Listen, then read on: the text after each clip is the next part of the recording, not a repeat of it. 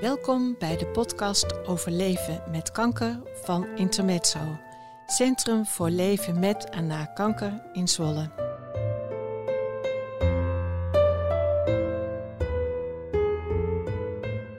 In onze podcast vertellen mensen wat kanker in hun leven betekent, professioneel of privé.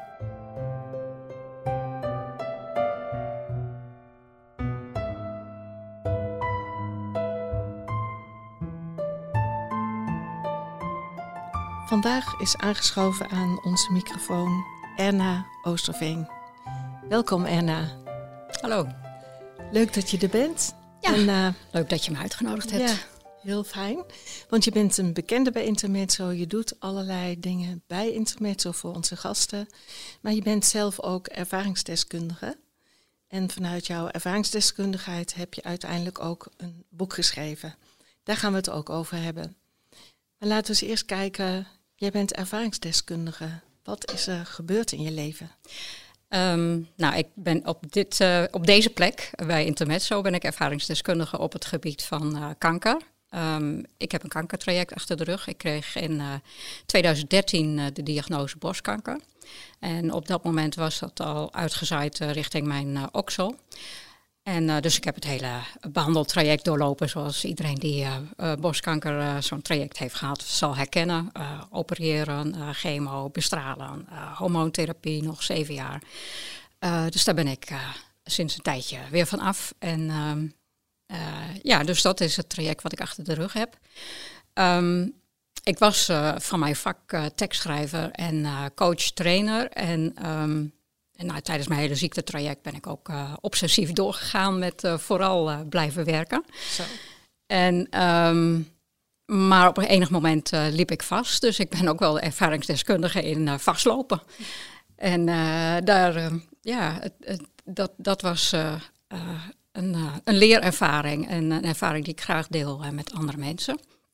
En dat doe ik dus ook in mijn werk uh, als coach en uh, tegenwoordig als wandelcoach. En in die zin ben ik ook actief hier bij uh, Intermezzo. Want we bieden hier ook wandelcoaching aan voor mensen die graag buiten zijn. En het coachen buiten is ook bijzonder effectief, heb ik gemerkt. Van dan heb je gewoon soms aan één of twee wandelingen genoeg om weer zelf stappen te kunnen zetten. Ja, dat is een mooie metafoor, hè? het zetten van stappen. Zeker. Dat is uh, waar we bij Intermezzo ook naar streven om mensen weer zover te helpen op het pad te komen, op hun eigen spoor te komen en hun eigen stappen te gaan zetten.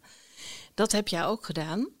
Uh, hoe verliep dat eigenlijk? Want je zegt net, ik ben ook een uh, ervaringsdeskundige in vastlopen. Ja. Als je het hebt uh, over stappen zetten, ja, het tegenovergestelde daarvan is vastlopen. En dat is wat er bij mij wel uh, gebeurde.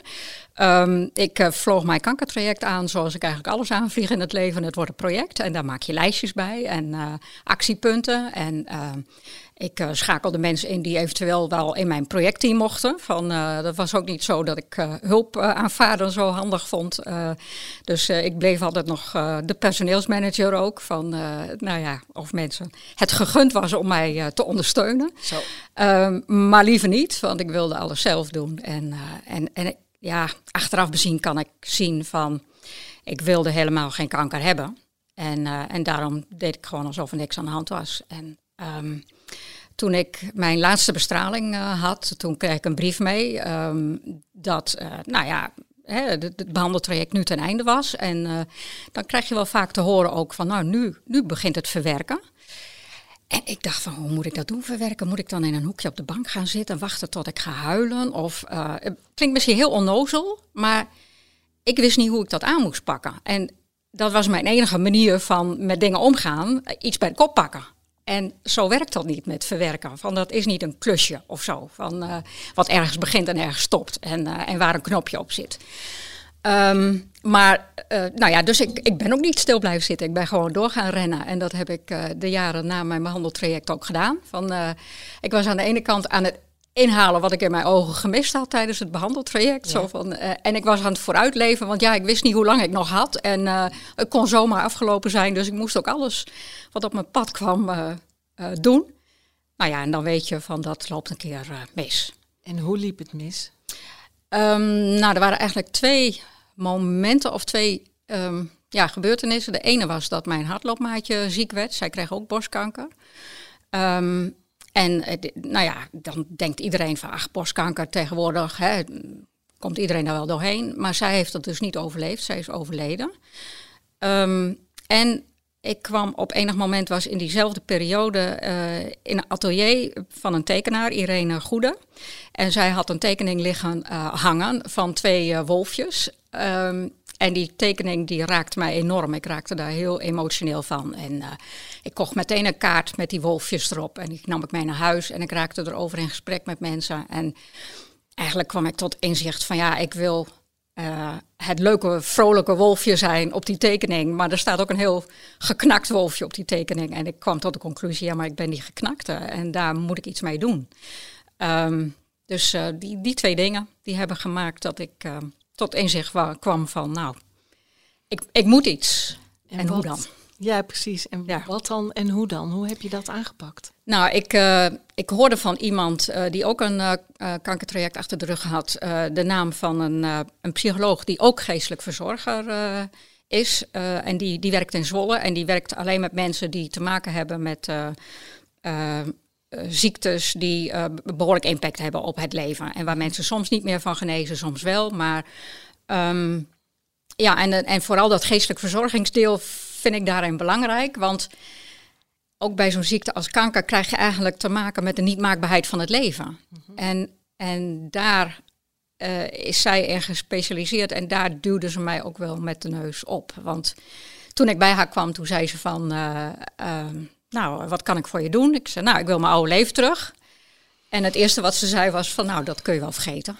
En, en dat was confronterend. En dat is eigenlijk het inzicht geweest wat ik ja, daarop gedaan heb. Dat deze ziekte impact had op mijn leven. En meer dan ik had gewild. En meer dan ik tot dat moment ook onder ogen wou zien. Ja, en wat deed dat met je, dat je dat inzicht kreeg? Ik werd daar verdrietig van en daar zat ik niet op te wachten. En eh, dat was ook wat ik steeds voor me uitgeduwd had. Van, uh, uh, want ik wilde dat verdriet niet. En nou ja, ik heb later, toen ik met het boek begon en allerlei andere mensen daarover sprak, heb ik dat ook wel herkend bij andere mensen. Uh, we duwen de impact van die ziekte van ons af, omdat we ook um, nou, misschien eerder in ons leven dingen meegemaakt hebben die we ook niet goed verwerkt hebben. Of waar we eigenlijk ook niet aan wilden en waar we ook niet verdrietig over wilden zijn. Want niet zeuren en je gaat weer door. En uh, het is die aanpak die je lang heeft geholpen, maar waar je op enig moment toch ook weer niet uh, het hele leven mee uh, door kunt gaan. Nee, dus de, het copinggedrag, hè, zoals dat vaak noemen, hoe ga je om met iets dat je overkomt? Daarmee was je gewoon doorgaan zoals je wist dat het zou kunnen werken voor jou. Precies. En toen moest je toch een omslag maken. Hoe, ja. hoe heb je dat gedaan? Nou ja, het, het begint met onder ogen zien. Dat, uh, want um, nou, toen ik uh, het idee bedacht van nou, ik ga een boek schrijven over doorleven na kanker, want ik wil weten hoe andere mensen dit dan doen, want ik vind het ingewikkeld. En is het dan voor andere mensen een peulenschil of hoe dan? Um, en toen begon ik ook met uh, uh, het uh, hoe doe je dat knopje? Dus dat wil ik van mensen weten. En iedereen begon in het interview met de impact die kanker op ze had gehad. Dus ik moest heel anders beginnen. Ik wil altijd een knopje voor dingen. En uh, ik moest onder ogen zien en daar begon het eigenlijk mee, ook het traject wat ik met de psycholoog geestelijk verzorger heb gehad. Met onder ogen zien mm -hmm. en accepteren en, en daar verdriet over hebben van het leven is niet meer wat het was. En niet doen alsof dat niks is, of, maar onder ogen zien. En dat was het omslagpunt. Mm -hmm. Je vertelt in de interviews met mensen kwam dat aan de orde. Um, in hoeverre ging jij mensen interviewen? Want dat heeft alles met je boek te maken, denk ik. Hoe jij je boek hebt aangepakt. Ja, um, ik, ik kwam via via aan mensen. En dat is, nou ja, iedereen kent wel iemand die een kankertraject heeft gehad. Of mm -hmm. ermee in zit. Of, uh, en um, zo ben ik met allerlei mensen in gesprek gegaan. Um, mannen, vrouwen, oud, uh, jonger, tot, tot jong. Uh, mensen die het langer geleden hadden gehad, als kind bijvoorbeeld, en mensen die het kort geleden hadden gehad. Uh, dus mensen zaten in heel verschillende fases. En um, nou ja, die impact had ik het net al even over. Ehm, ja, die kunnen, als je kijkt naar de zorg, op verschillende terreinen liggen. En ik heb in het boek de indeling gehanteerd zoals die in de zorg ook gehanteerd wordt. Namelijk fysiek, hè, wat doet het fysiek met je?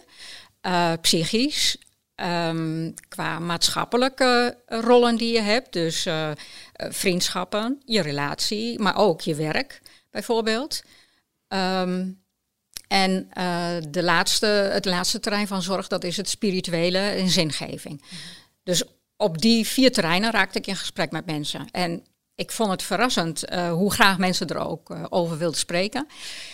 En voor heel veel mensen was het ook een gesprek sinds tijden. Want um, ja, meestal is het zo, als je behandeling achter de rug hebt, dan is het geweest voor jouw omgeving en de mensen om je heen. En iedereen wil je graag door en jij zelf ook. Dus het komt niet meer zo vaak te sprake. dus het waren fijne gesprekken. Ja. En wat heb je met uh, de output van die gesprekken gedaan?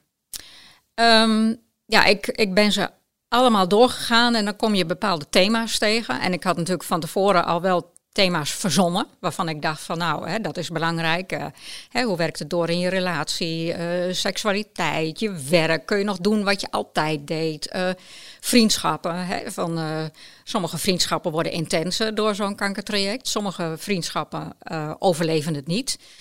Um, dus waren toch allerlei thema's die voor mij heel logisch waren. Um, maar wat ik een heel opvallend iets vond, was dat iedereen over eenzaamheid begon. En dat vond ik wel bijzonder, want um, ik, uh, ja, ik, ik had dat van tevoren niet als een thema uh, gezien. En er wordt eigenlijk ook heel veel gedaan rondom kanker. Dus je zou denken van, nou, eenzaamheid, dat zou niet hoeven. En toch uh, is het zo, is het voor mensen vaak een eenzaam proces. En waar bestaat die eenzaamheid uit? Ja, het is het niet kunnen delen van die ervaring van kanker gehad hebben en daarmee ja, min of meer de dood in de ogen gekeken hebben. Zo voelt het vaak wel voor mensen. Um, en het praten over de impact van uh, kanker is lastig. Want um, het is ja, je hebt je kankertraject achter de rug en uh, de meeste mensen krijgen uh, een boodschap van nou, voor zover we weten is het uh, klaar nu. Of sommige mensen krijgen zelfs de boodschap, je bent schoon. Hoewel ik wel het idee heb dat dat steeds minder expliciet zo gezegd wordt. Dat was vooral iets van vroeger. Um, maar toch, hè, behandeling is succesvol verlopen. Laten we het daar op houden. En ja, die onzekerheid blijft altijd een beetje. En dat snappen mensen nog wel. Um, maar dat je last kunt hebben van later gevolgen van die behandeling bijvoorbeeld. Um, dat is vaak onbekend bij de omgeving. En, en je wilt er ook niet over hebben. Want wat zeur je? Uh, je hebt het overleefd. Je bent er nog. Dus um, er rust ook wel een soort taboe op. En nou, het is misschien ook wel iets wat, wat hier ook wel in de cultuur een beetje past. Van uh, niet zeuren, hè, we gaan weer door, we pakken de draad weer op en we kijken niet om en we blijven er niet in hangen. En zo voelt het benoemen van later gevolgen soms wel een beetje. Van alsof je zit te klagen. En we willen geen klager zijn, we willen geen zeurpiet zijn en we willen niet zielig zijn. En wat zijn dan die latere gevolgen? Kun je daar wat van noemen? Nou, die latere gevolgen die zitten dus op verschillende terreinen. Hè, van, um, nou, als ik bij die indeling blijf van fysiek, uh, psychisch, uh, sociaal-maatschappelijk en uh, qua zingeving, spiritualiteit, dan kun je bijvoorbeeld fysiek kijken naar um, ja, dat mensen gewoon uh, letterlijk een, een ander lichaam hebben. He, van uh, vrouwen moeten soms een borst of twee borsten missen.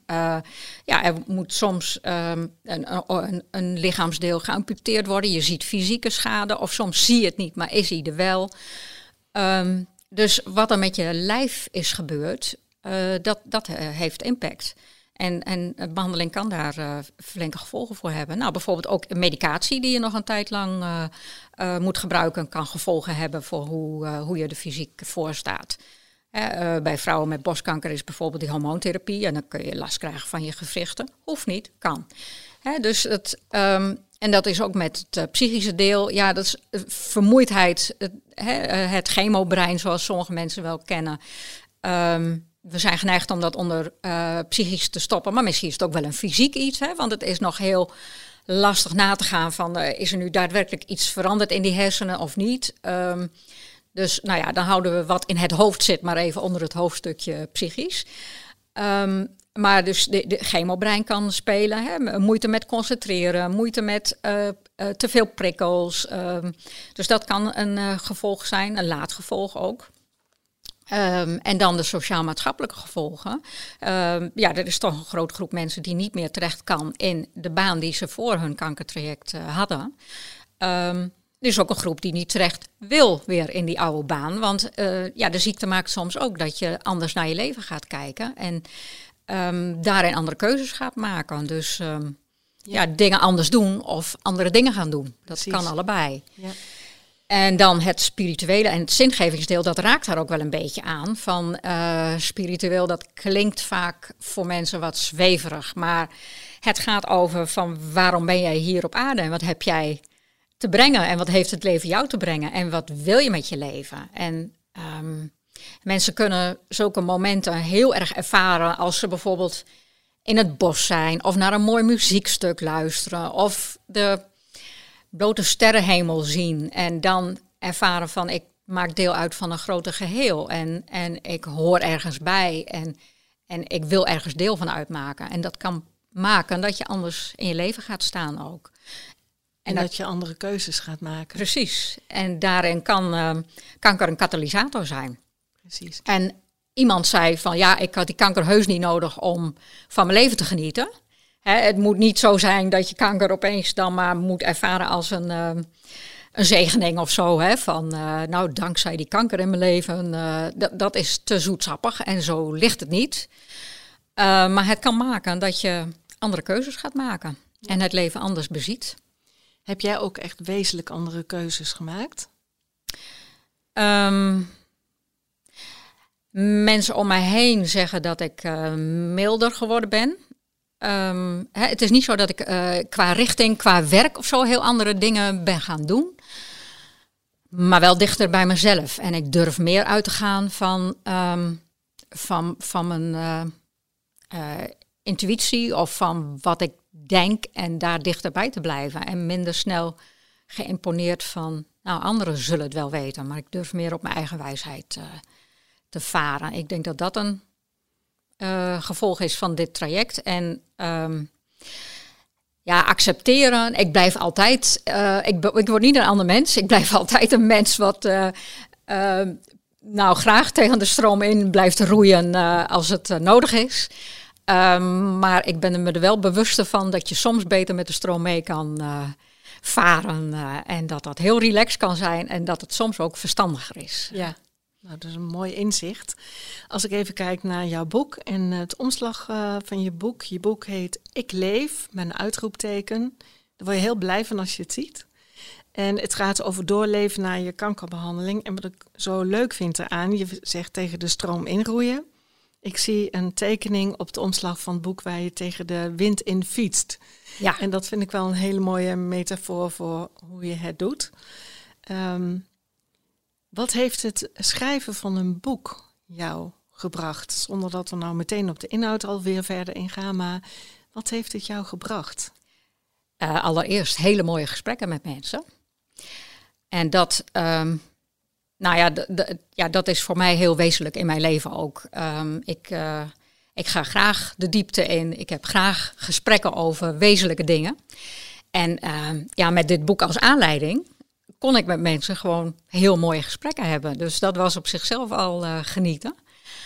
Um, en door die gesprekken met andere mensen ging ik uh, ook zien uh, hoe anderen met dingen omgaan. Dat, dat gaf mij inzicht. Ik heb trouwens niet alleen gesproken met mijn ervarings, andere ervaringsdeskundigen. Hè? Dus niet met andere mensen alleen die kankerervaring hebben, maar ook met deskundigen. Dus hoe gaan die om met mensen met een kankertraject achter de rug en hoe kijken zij daar tegenaan? En dat al die verhalen van mensen, al die ervaringen, die hebben mij ook geleerd van um, nou, dat het goed is om op het copingmechanisme te letten. Hè, van hoe ga je met dingen om. Um, en het heeft mij het inzicht opgeleverd dat ja, het, het beste wat je kunt doen is doen wat je het liefste doet. Doen waar je energie van krijgt, waar je blij van wordt, de dingen die je met liefde doet eigenlijk. Um, ja, dan, dan kun je de draad weer oppakken. Dus als je tot stilstand komt, dan uh, is het nadenken over van ja, maar waar werd ik ook alweer blij van? Wat is voor mij van waarde? En um, voor mij is dat ook wel fietsen. uh, dus uh, daarom ook dat uh, fietsertje op, de, op de voorkant. Um, en tegen de wind in fietsen. Want soms merk je juist het meest dat je leeft wanneer, het, wanneer je de wind tegen hebt. Want dan voel je dat je leeft. En dan vraagt het leven wat van je. En um, ja, dus daar, daar zit ook acceptatie in van tegenwind en van tegenstroming. En uh, ja, dus wat het mij gebracht heeft is ook uh, dat inzicht. Ik, ik uh, hou van het leven, ik hou van um, mensen en uh, dat heb ik allemaal samengebracht in dit boek. En, en het heeft mij weer op weg geholpen. En het kan andere mensen ook op weg helpen, want het is niet een gewoon tussen aanhalingstekens ervaringsdeskundige boek. Want die worden door veel mensen die kankerervaring uh, hebben. Ja, mensen schrijven toch veel op. Soms komt dat tot een boek. Uh, jouw boek is wat uitgebreider dan je eigen ervaring en de ervaringen van ervaringsdeskundigen. Maar juist die deskundigheid van anderen, de professionaliteit van anderen heb je ook in je boek uh, gebracht. Hoe heb je dat aangepakt? Ja, ik heb uh, gekeken naar uh, de mensen die, uh, die op het pad van de kankerpatiënt terechtkomen, zeg maar. Um, zoals? zoals? een huisarts. Ja. en ik heb een huisarts, een paar huisartsen trouwens gevraagd van, goh, hoe kijken jullie eigenlijk tegen kankerpatiënten aan? Um, nou, één huisarts vertelde dat er eigenlijk in de dossiers van haar patiënten altijd een nou, ze, ze noemden een uh, rood labeltje of zo. En ik zag zo'n kaartenbak met papier. patiëntenkaarten met rode labeltjes. Maar dat zit natuurlijk gewoon in de computer. Maar wel een seintje van, is iemand die ooit met kanker te maken heeft gehad? En dat maakt soms dat iemand wat sneller triggert op uh, pijntje hier, pijntje daar. Um, en, en daar sneller van denkt van, nou, het zal toch niet weer. En uh, ja, dat is iets wat mensen snel bij zichzelf, uh, de, de, patiënten bij zichzelf onder tafel weer vegen. Want uh, je, je mag niet zeuren en je mag niet piepen. En, je, nou, en, en de professionals in het vak, de huisartsen, maar ook de specialisten zeggen van ja, dat is heel normaal. En, en we staan er ook altijd open voor dat je dan weer aan de bel trekt. En, dus dat is heel fijn om te lezen. Um, er was ook een huisarts bij die zelf een behandeltraject heeft doorlopen. Dus die vertelt ook over uh, ja, wat dat dan betekent en hoe die nu uh, ook ja, bewuster toch ook weer kijkt naar de, de mensen in zijn praktijk die met kanker te maken hebben. Hij realiseert zich eens te meer um, ja, wat, wat zo'n uh, traject voor impact kan hebben. Um, nou, ik heb met psychologen gesproken, met een radiotherapeut, met oncoloog. dus allemaal mensen die die patiënt wel zien. En ook zien dat veel mensen in het nazorgtraject wel tobben. Uh, soms. Uh, en die ook wel graag willen helpen. Maar je moet maar net op de positie zijn. En die patiënt moet ook zelf weten van... Uh, ja, is hier überhaupt iets voor voorhanden? Nou, en ik heb hier bij Intermezzo ook gesproken met Corine en Hollander... die het, het nazorgcentrum in Zwolle leidt. En... Um, nou, ook wel uh, helemaal aan het begin van het boek eigenlijk. Uh, met pijlen van, uh, goh, denk je dat er behoefte is aan zo'n boek? En toen ik hier binnenkwam, zag ik twee planken vol ervaringsboeken. Dus ik dacht even van, ho, er is al een boek. Um, maar ik, ik, was duidelijk iets anders van plan. er zijn inderdaad, wat je zegt, heel veel mensen die over hun ervaring een boek schrijven. En um, dat is heel logisch, want daarmee geef je zin aan uh, dat verhaal in jouw leven. En je hebt ook heel veel mensen die na zo'n kankerbehandeling um, besluiten om uh, iets, iets nou, vrijwilliger te worden, bijvoorbeeld bij Intermezzo. Hè. Ze hebben ervaringsdeskundigheid en zetten dat weer in voor andere mensen, waarmee je die ziekte die op jouw pad is gekomen um, extra nut geeft eigenlijk. En dat vinden wij met z'n allen toch ook wel belangrijk, dat je iets nuttigs doet met dat wat er op je pad komt. Precies. Calvinisten als we zijn. Ja. Um, je hebt je boek geschreven, het wordt heel goed ontvangen, dat merken we bij Intermezzo. Um, veel mensen willen het hebben, kunnen het kopen, dat kan ook prima. Um, maar je hebt een doel waarschijnlijk gehad uiteindelijk. Je maakt dat boek, je begint eraan, je weet niet waar het uh, eindigt. Je hebt een mooie opzet gemaakt. Nu is het klaar, het ligt. Um, als je terugkijkt, wat is er terechtkomen van jouw bedoeling en jouw doel met het boek? Oh, je begint zo'n boek met. Um, Nou, ik begon dit boek met mijn eigen vraag. Van hoe werkt dat eigenlijk door een leven na een kankerbehandeling en waar zit het knopje? Dat is wat ik wilde weten. En ehm, de conclusie is eigenlijk, er is niet één knopje. Um, dus dat maakt ook zo'n nazorgtraject zo uh, persoonsgevoelig. Hè? Dat, dat moet altijd een maatwerktraject zijn. Je kan niet zeggen van nou, uh, na, zo'n traject uh, moet er dan en dan zo iemand op de stoep staan en dan is iedereen gered of zo. want die, die impact die kan zich jaren later nog doen gelden. En je krijgt natuurlijk nu steeds meer mensen die te maken krijgen met die late gevolgen, want ze hebben meer toekomst eigenlijk. Uh, na zo'n kankertraject.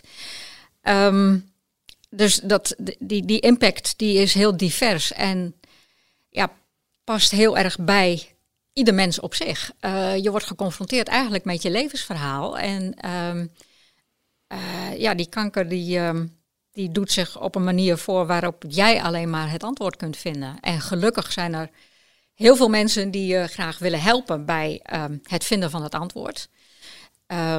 En die mensen die, eh, die vind je bij een instelling als uh, Intermezzo. Die mensen die vind je als professionals via jouw zorgverleners, hè, via de huisartsen, uh, via een fysiotherapeut, via een diëtist. Nou ja, noem maar op. Hè. Er zijn hier de, in, Zwolle ook allerlei netwerken, waardoor ook die verschillende zorgverleners die op jouw pad kunnen komen, um, ook van elkaar weten van, oh ja, maar die heeft dat aanbod, of bij die kun je daar terecht, of uh, van, dat kunnen heel verschillende dingen zijn. En um, nou ja, stel je daarvoor open. En uh, als je om hulp vraagt, dan is, het, dan is dat geen schande. En uh, vastlopen is geen, ja. geen brevet van onvermogen. Nee, nee. En um, nou ja, zoals de geestelijk verzorger ook zei, uh, Etje Verhagen, waar ik uh, het geluk had dat ik tegen haar aanliep, uh, zei van ja, um, het, het krijgen van kanker heeft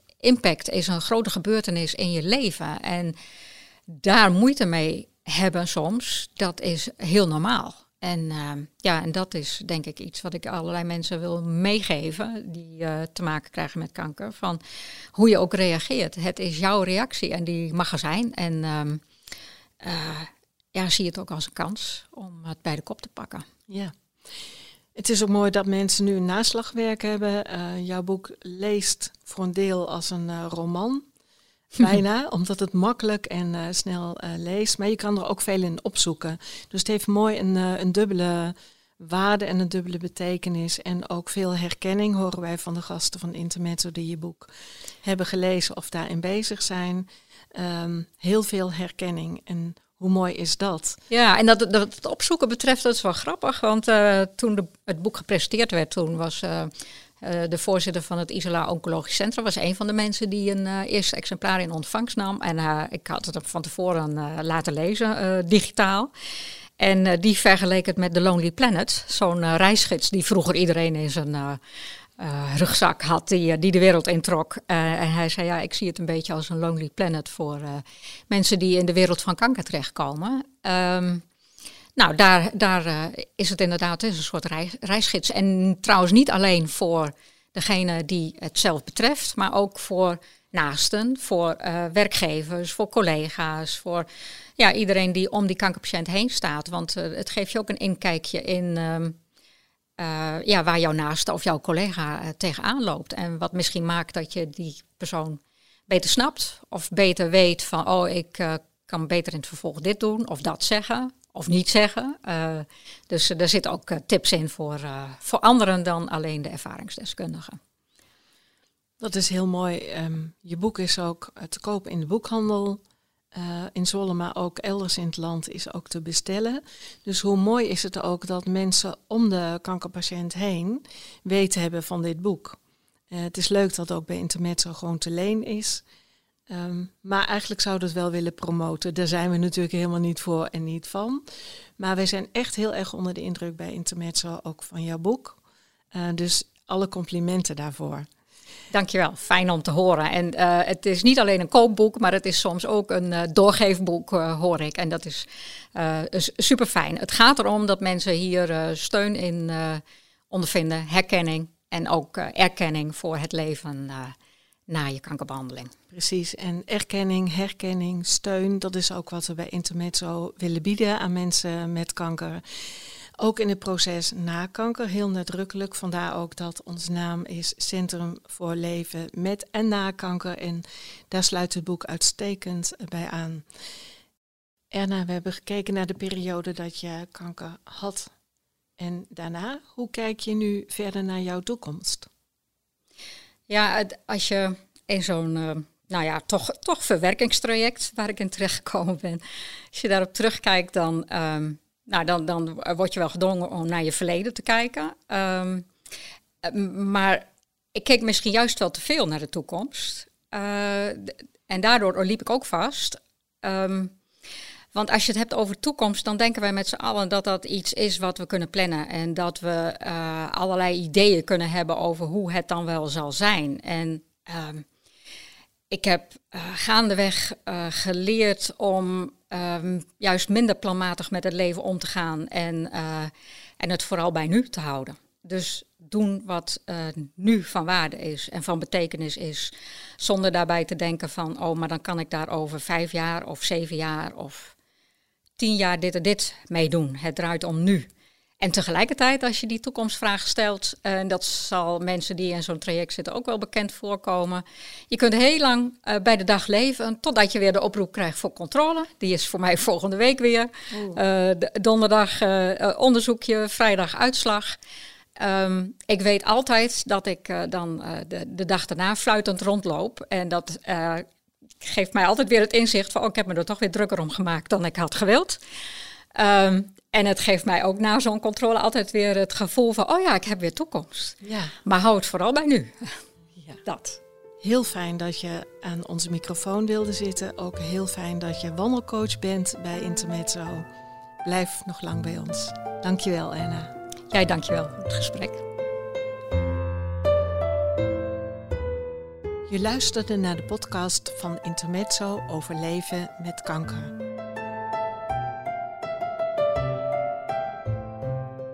Wil je meer weten? Kijk op onze website www.intermezzo-zwolle.nl.